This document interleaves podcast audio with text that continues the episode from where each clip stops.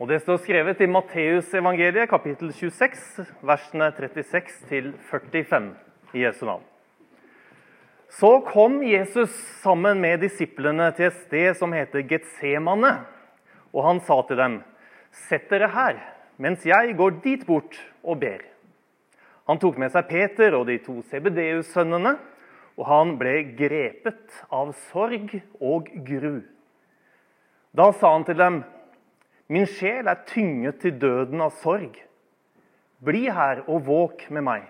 Han gikk fram et lite stykke, kastet seg ned med ansiktet mot jorden og ba, 'Min far, er det mulig, så la dette begeret gå meg forbi.' 'Men ikke som jeg vil, bare som du vil.' Da han kom tilbake til disiplene og fant dem sovende, sa han til Peter, 'Så klarte dere ikke å våke med meg en eneste time.'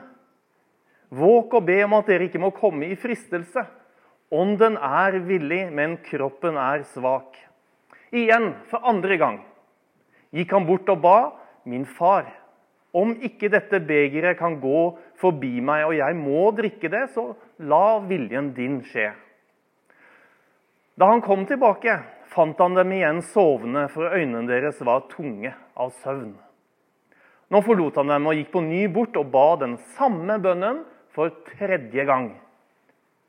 Så kom han tilbake til disiplene og sa, 'Dere sover og hviler fremdeles?' Nå er stunden kommet da menneskesønnen skal overgis i synderhender. Slik lyder Guds ord. Vi ser altså at Jesus han gikk for seg selv og ba. Hvor mange ganger ba Jesus er det noen som fikk med seg det? Tre ganger, ja. Det er helt riktig. Og hvor mange ganger sovnet disiplene? Hæ? Fikk, var det tre? Jeg syns jeg fikk med meg at de sovnet to ganger, og den siste gangen da sov de over hele greia. Så de sov godt. De hadde godt sovehjerte.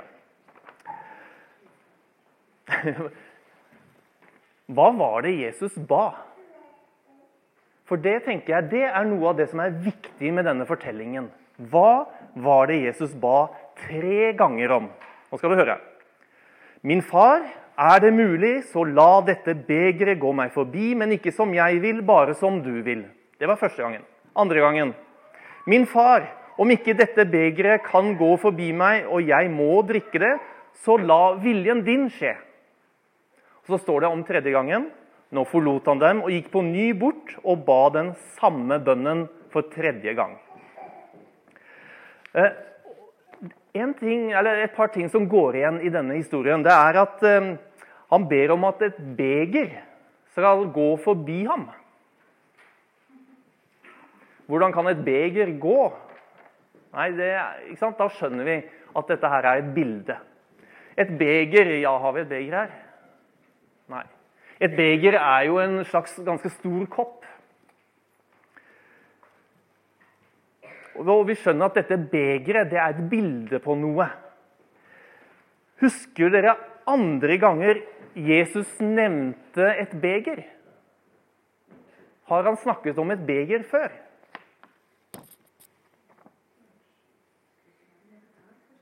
Ja.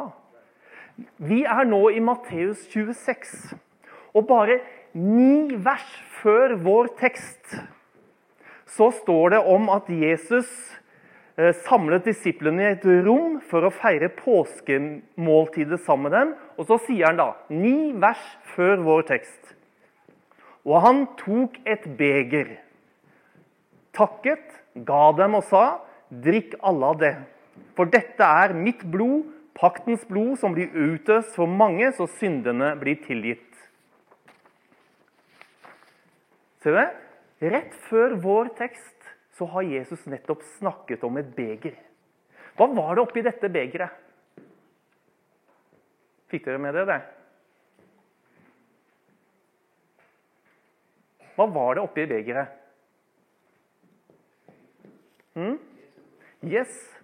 Jesu blod, altså paktens blod, som blir utøst for mange så syndene blir tilgitt.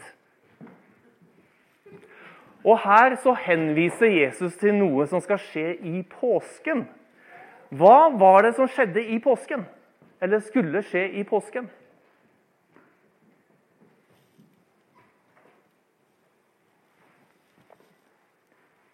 Og i vår kirke så har vi tre kors for å minne oss om det. Hva skulle skje i påsken?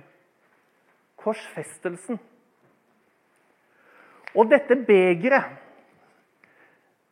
som han ber om å få slippe å gjøre, det er nettopp det å få gå, måtte gå til korsfestelsen.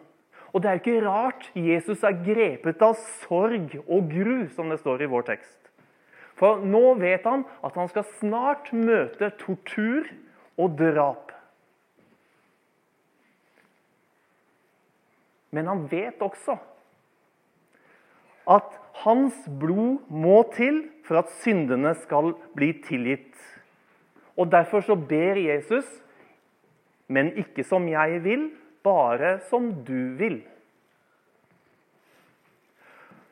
Og Apostelen Johannes han var Johannes og Peter som var med Jesus nærmest. Og Apostelen Johannes han skriver en del år senere, i 1. Johannes 3, 16, hva kjærlighet er, har vi lært av at Jesus ga sitt liv for oss. Det er kjærligheten. At Jesus ga sitt liv for oss. Og så har jeg tenkt på hvordan kunne Jesus med åpne øyne gå inn i påsken og møte alt dette onde som han visste kom, til å skje? Jo, fordi han ba. Ja, han ba om å få slippe. Men det viktigste Jesus ba, var ikke å få slippe unna, men å gjøre Guds vilje. La din vilje skje, men ikke som jeg vil, bare som du vil. Slik ba han tre ganger. Mye av den samme bønnen ber vi i den bønnen Jesus lærte oss. Også den i Matteus, bare helt i begynnelsen av Matteusevangeliet.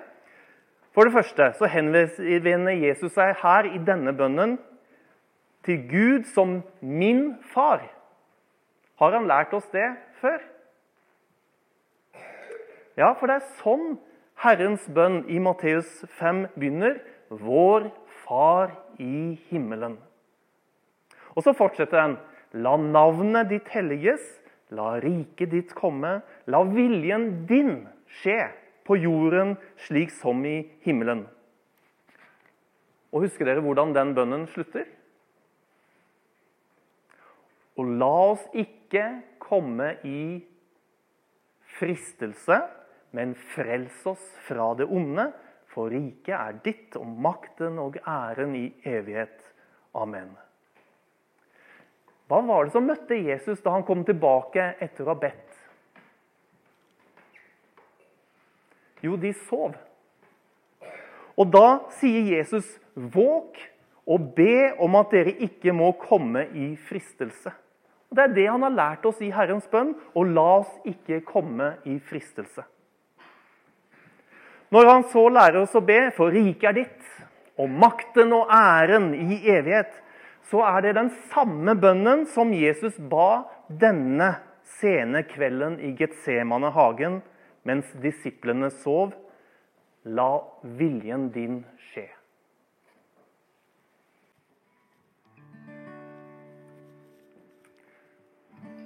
Den vanskeligste bønnen å be med ærlig sinn, det er bønnen la din vilje skje.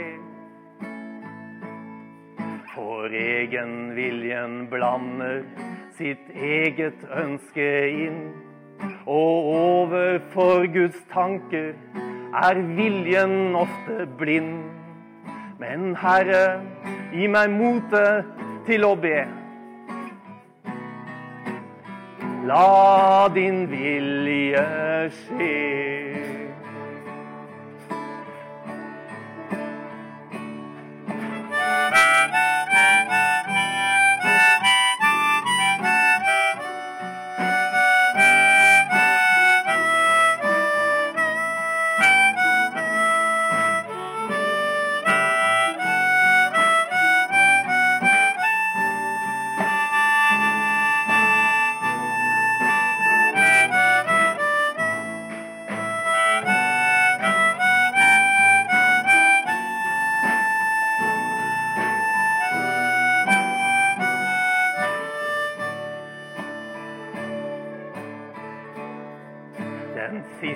Sterke bønnen som Jesus lå ba.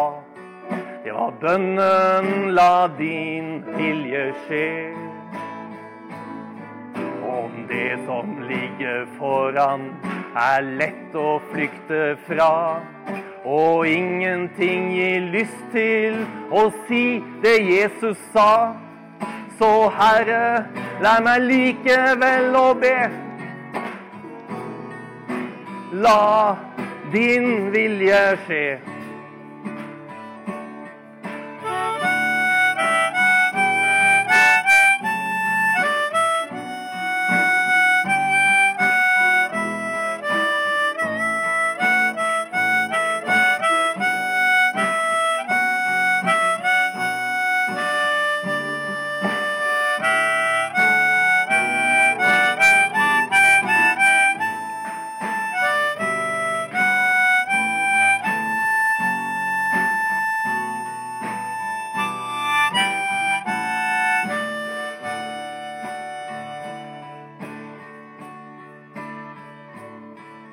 Den enkle, stille bønnen som åpner Herrens vei, er bønnen 'La din vilje skje'. Og den som ber om dette, vil ikke lett gå lei, men stadig overraskes og stadig undre seg. For Herre, det er spennende å be. La din vilje skje.